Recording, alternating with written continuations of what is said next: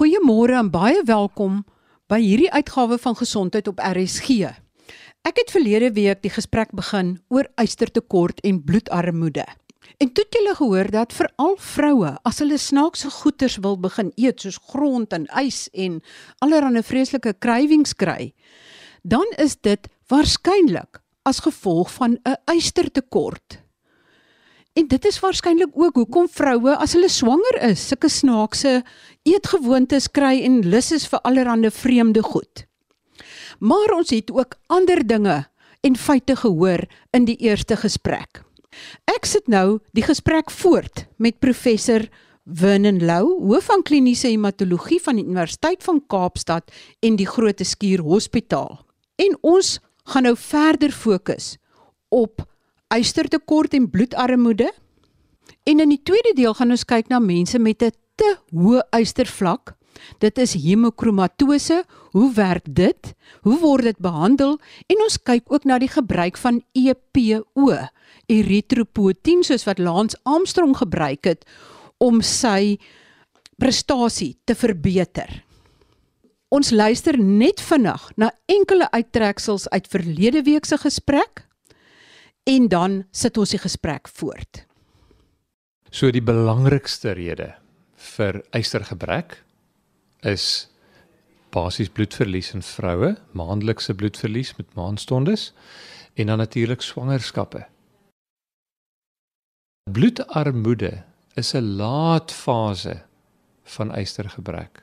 Ystergebrek veroorsaak 'n lang lys van simptome soos byvoorbeeld moegheid, hare wat uitval, naels wat maklik breek, behoefte om snaakse goed te kou of te eet, uh oormatige lus vir ys of grond of stof of soetgoed of irriteerbaarheid of geïrriteerdheid. Sukkel met geheue. Daar's miskien 'n duisend oorsake vir elkeen van die dinge wat ek nou genoem het, maar ystergebrek is waarskynlik die algemeenste oorsaak vir al daardie dinge. In jou dun darm is daar 'n baie spesifieke pad waardeur die yster in die bloedsirkulasie kom. Daar's 'n letterlik 'n klein deurtjie, 'n molekuule met die naam ferroportin, soos letterlik vertaal ysterdeur. En die yster gaan deur daai deur en dan word hy op 'n klein, ek noem dit sommer 'n kanoe gesit, so twee sitplek proteïen waar daar twee ysters op kan ry beenmerg toe na die fabriek toe. Daai deur word dikwels gesluit indien jy onderliggende infeksie of kroniese inflammasie het en dan kan jy ook nie yster opneem nie. So daar's allerlei ander faktore wat 'n rol kan speel.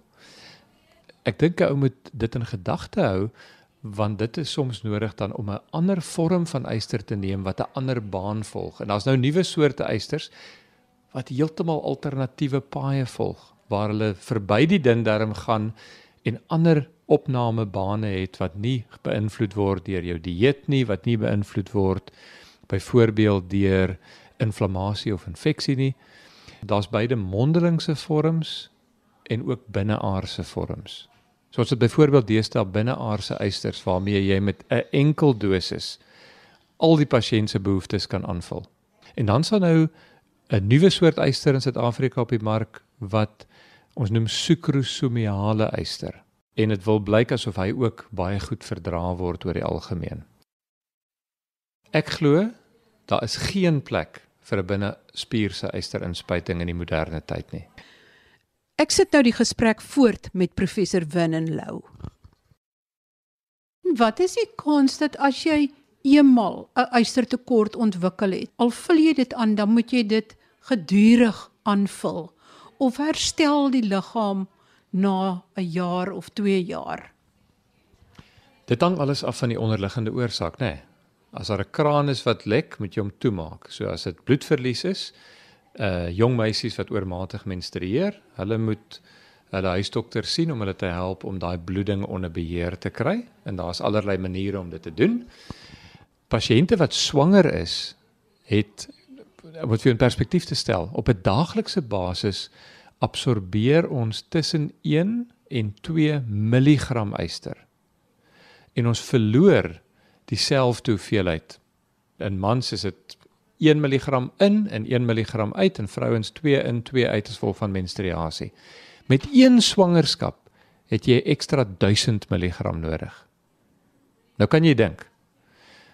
Elke keer wat jy swanger is, is dit 1000 mg van ekstra yster wat jy benodig. So vrouens is in so 'n kritieke balans. Dis regtig regtig belangrik om seker te maak jy weet wat die oorsaak is en jy vervang. As 'n vrou almekaar swanger gaan wees, as die menstruele bloeding nie onder beheer is nie of hulle bly op 'n uh, teensuurmiddel of hulle maag is verwyder met chirurgie of hulle dieet is nie goed nie, dan gaan hulle waarskynlik yster bly nodig hê. Ons weet nou dat die baba se ontwikkeling is krities afhanklik van yster. So 'n ma wat swanger is wat begin met 'n ystergebrek, om dit vir net in perspektief te stel, plus minus 40 tot 50% van swanger vroue is ystergebrekkig. Nou gedurende swangerskap as die ma ystergebrekkig is, is die baba het die baba 'n verhoogde risiko nie net vir groeivertraging nie, nie net vir premature geboorte nie, maar vir permanente neurokognitiewe skade wat kan lei tot sosiale, emosionele en intelligensieprobleme en ontwikkelingsprobleme wat van die navorsing nou wys tot 25 jaar na geboorte nog steeds tekens van teenwoordig kan wees. So as die moeder ystergebrekkig is, moet die yster vervang word en 'n gewone klein multivitamiin multimineraal aanvuller in 'n werklik ystergebrekkige pasiënt is gewoonlik nie genoeg nie. En daai boodskap is een van die boodskappe wat ek voel moet uitgesaai word daar buite dat mense daarvan kan weet. Ek dink ons as dokters het te gemaklik geraak met ystergebrek. Dit is so algemeen. Maar ons besef nie daar's werklike permanente belangrike gevolge wat omkeerbaar kan wees as jy dit betyds hanteer of voorkom nie. Ek wil sê maar vir vrouens sê as jy wil as jy beplan om 'n baba te hê, gaan toets sommer jou eister. In begin sommer maak seker jy's van die begin af reg. Interessant sê hulle die selfs daai bonding, né, tussen ma en baba, wat is 'n goeie Afrikaanse woord daarvoor?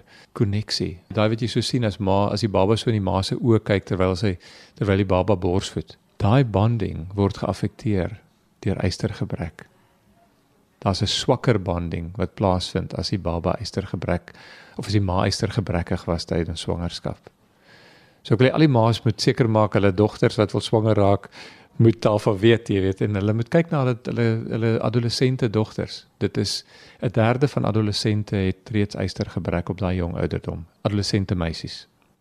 As daar dan 'n adolessente meisie is met 'n ystergebrek, dan sal jy eerder vir hulle van hierdie nuwe generasie mondelingse ystertablette gee of as dit dan na 'n aantal maande nie werk nie.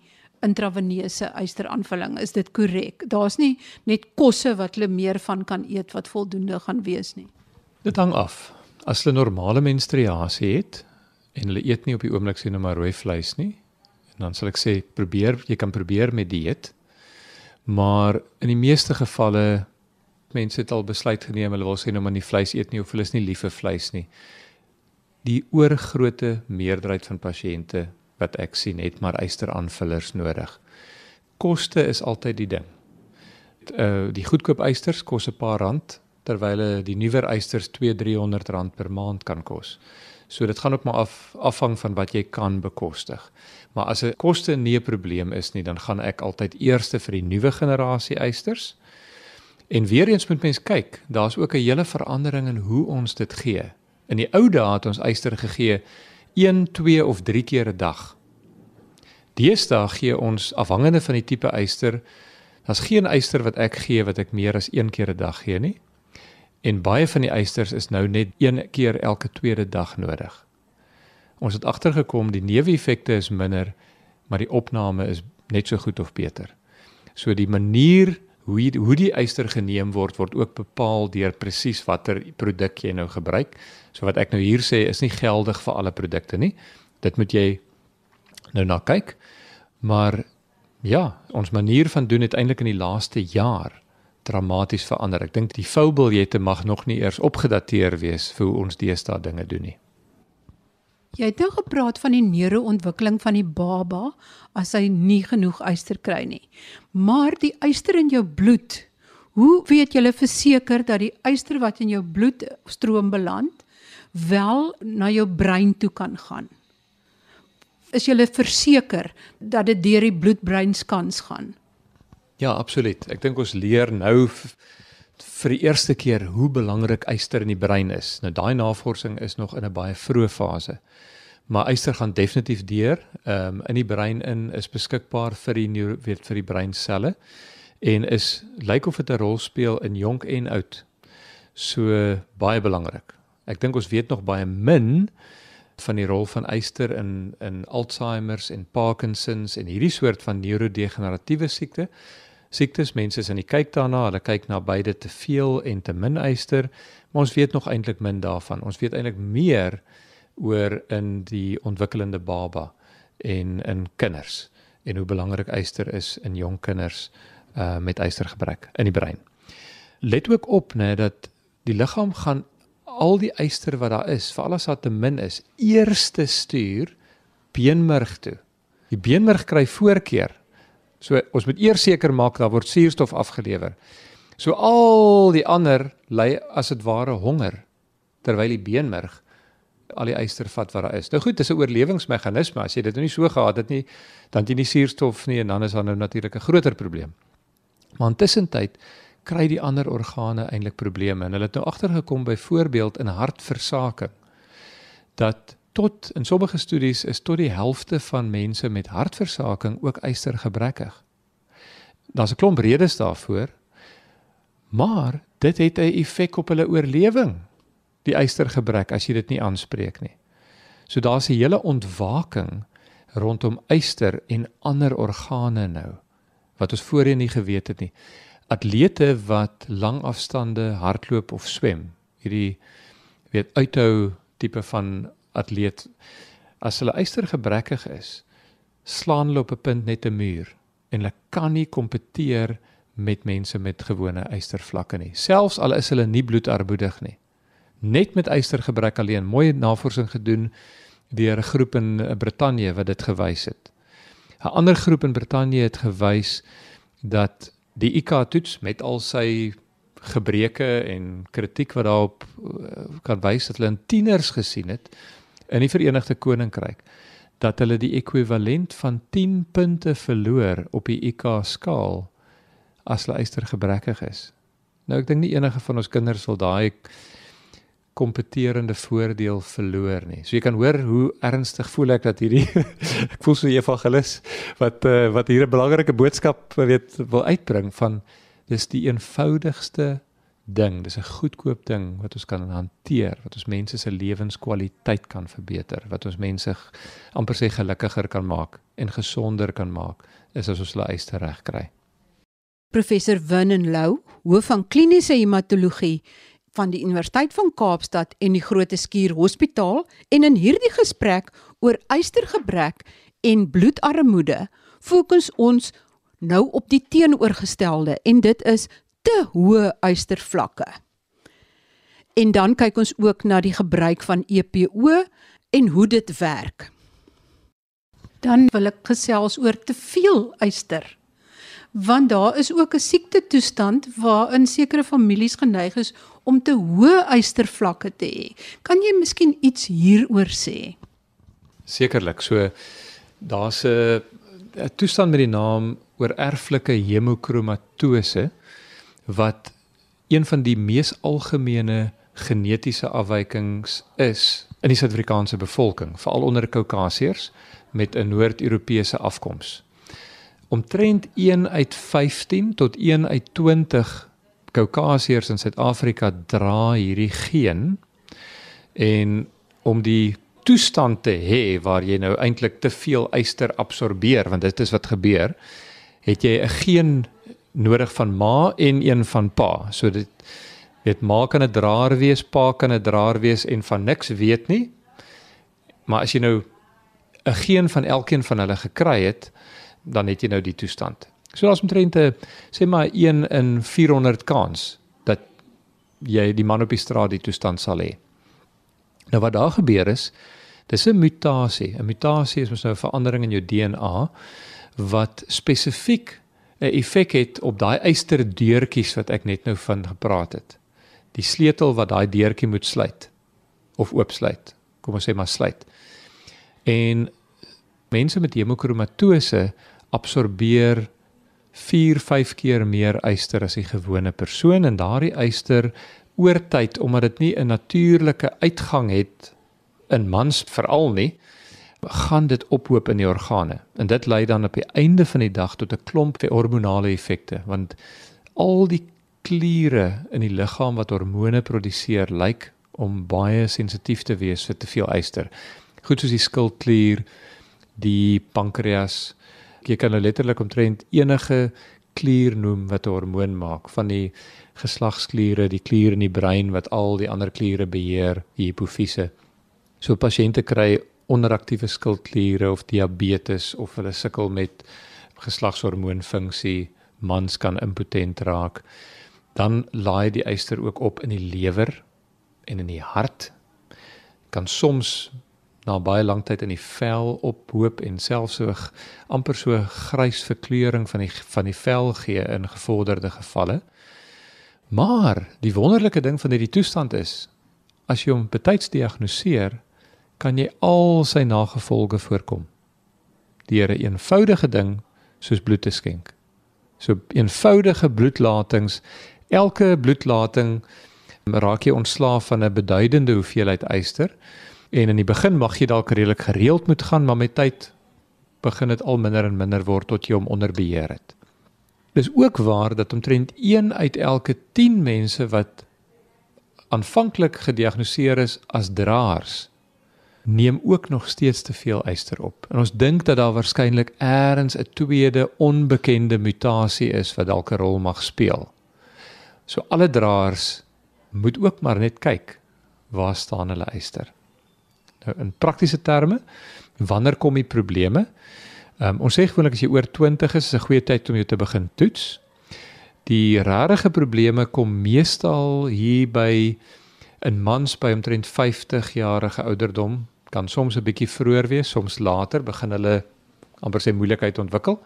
En by vrouens omdat hulle gemenstrueer het in hulle jong dae en yster verloor het, so 10 jaar later. So jy wil lank voor daai tyd al weet daarvan en verkieslik al in jou 20s of 30s bewus wees en monitor en dan bloed skenk of bloed laat laat om alle nagevolge te voorkom. Mense met hemokromatose is ook meer vatbaar vir sekere infeksies in rou seekos en skulpvis byvoorbeeld. So is ook iets om van te weet. Weereens as jy nou jou yster onder beheer het, dan's die ding mos nou reg. Maar party kieme hou nogal van te veel yster en dan groei hulle daarmee. So mens moet maar bewus wees van die dinge. Weereens nog 'n rede om jou yster te toets. Te kyk dat jy as jy nie te min het, het jy nie dalk te veel nie. Professor, en dan dink ek nou aan Lance Armstrong en EPO of erythropoietin wat dan die rooi bloedselproduksie stimuleer. Maak dit ook meer yster en hou dit ook op die langdurige gevaar in. So erythropoietin stimuleer die beenmerg om meer rooi bloedselle te maak.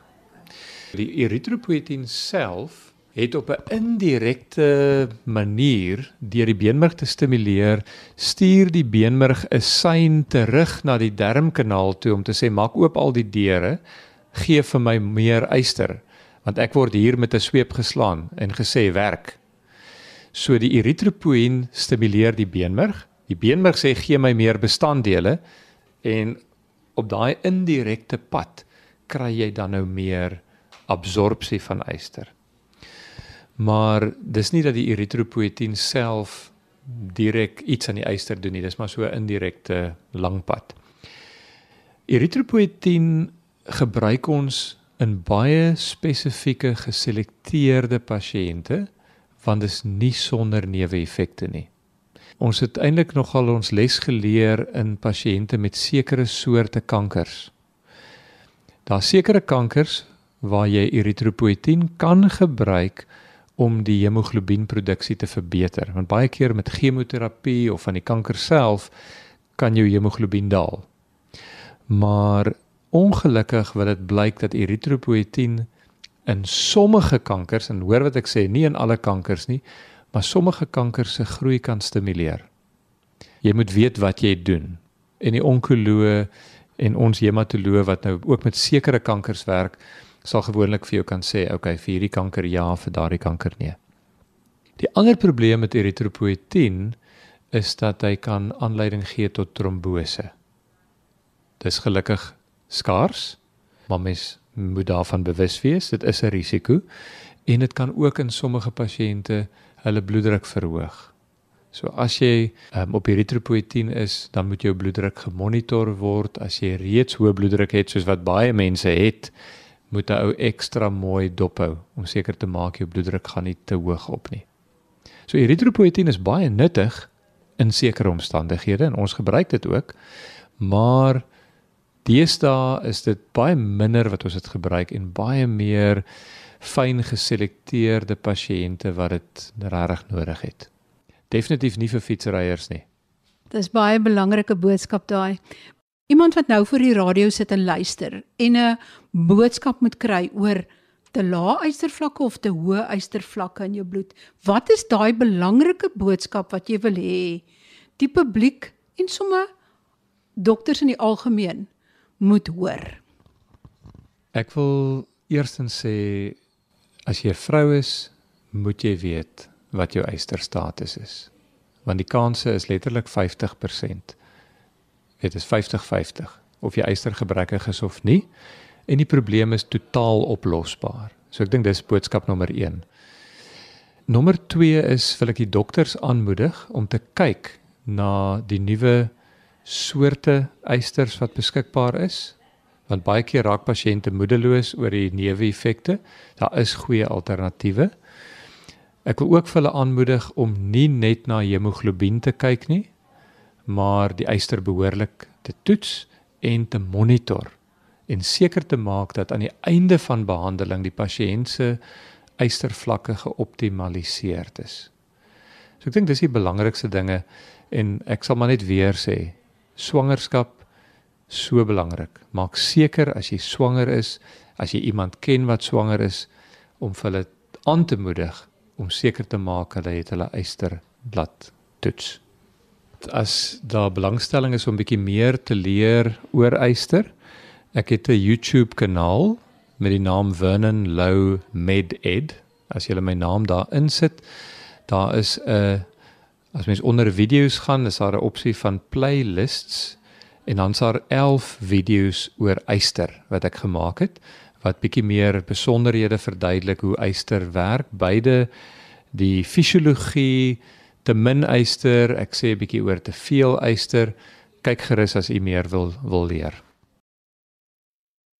Baie dankie aan my gas, professor Vernon Lou, hoof van kliniese hematologie aan die Universiteit van Kaapstad en die Groote Skuur Hospitaal, waar hy dan ook private pasiënte sien. Besoek gerus ons webwerf rsg.co.za. Ek het daar 'n hele klompie van die video's gelaai waarvan professor Lou gepraat het ook bykomende inligting en onthou tog 'n ystertekort is baie belangriker en moet behandel word want dit kan tot groot skade lei vir die jong meisie, vir die swanger ma, vir die ongebore baba. Watter tienermeisie wil 10 IQ punte laer hê en dis dommer wees? Watter swanger ma wil 'n baba hê wat moontlik brein en ontwikkelingsskade het? En watter persoon met hartversaking wil nog verder skade aan sy hart berokken of haar hart berokken deur nie 'n normale eystervlak te handhaaf nie? En dit is belangrik soos professor Lou gesê het dat algemene praktisyns ook hiervan kennis neem want dit is so algemeen dat baie algemene praktisyns dit maar net as nog 'n probleempie beskou. Tot volgende week dan wanneer ons weer oor gesondheidsake gesels. Baie groete van my, Marie Hudson.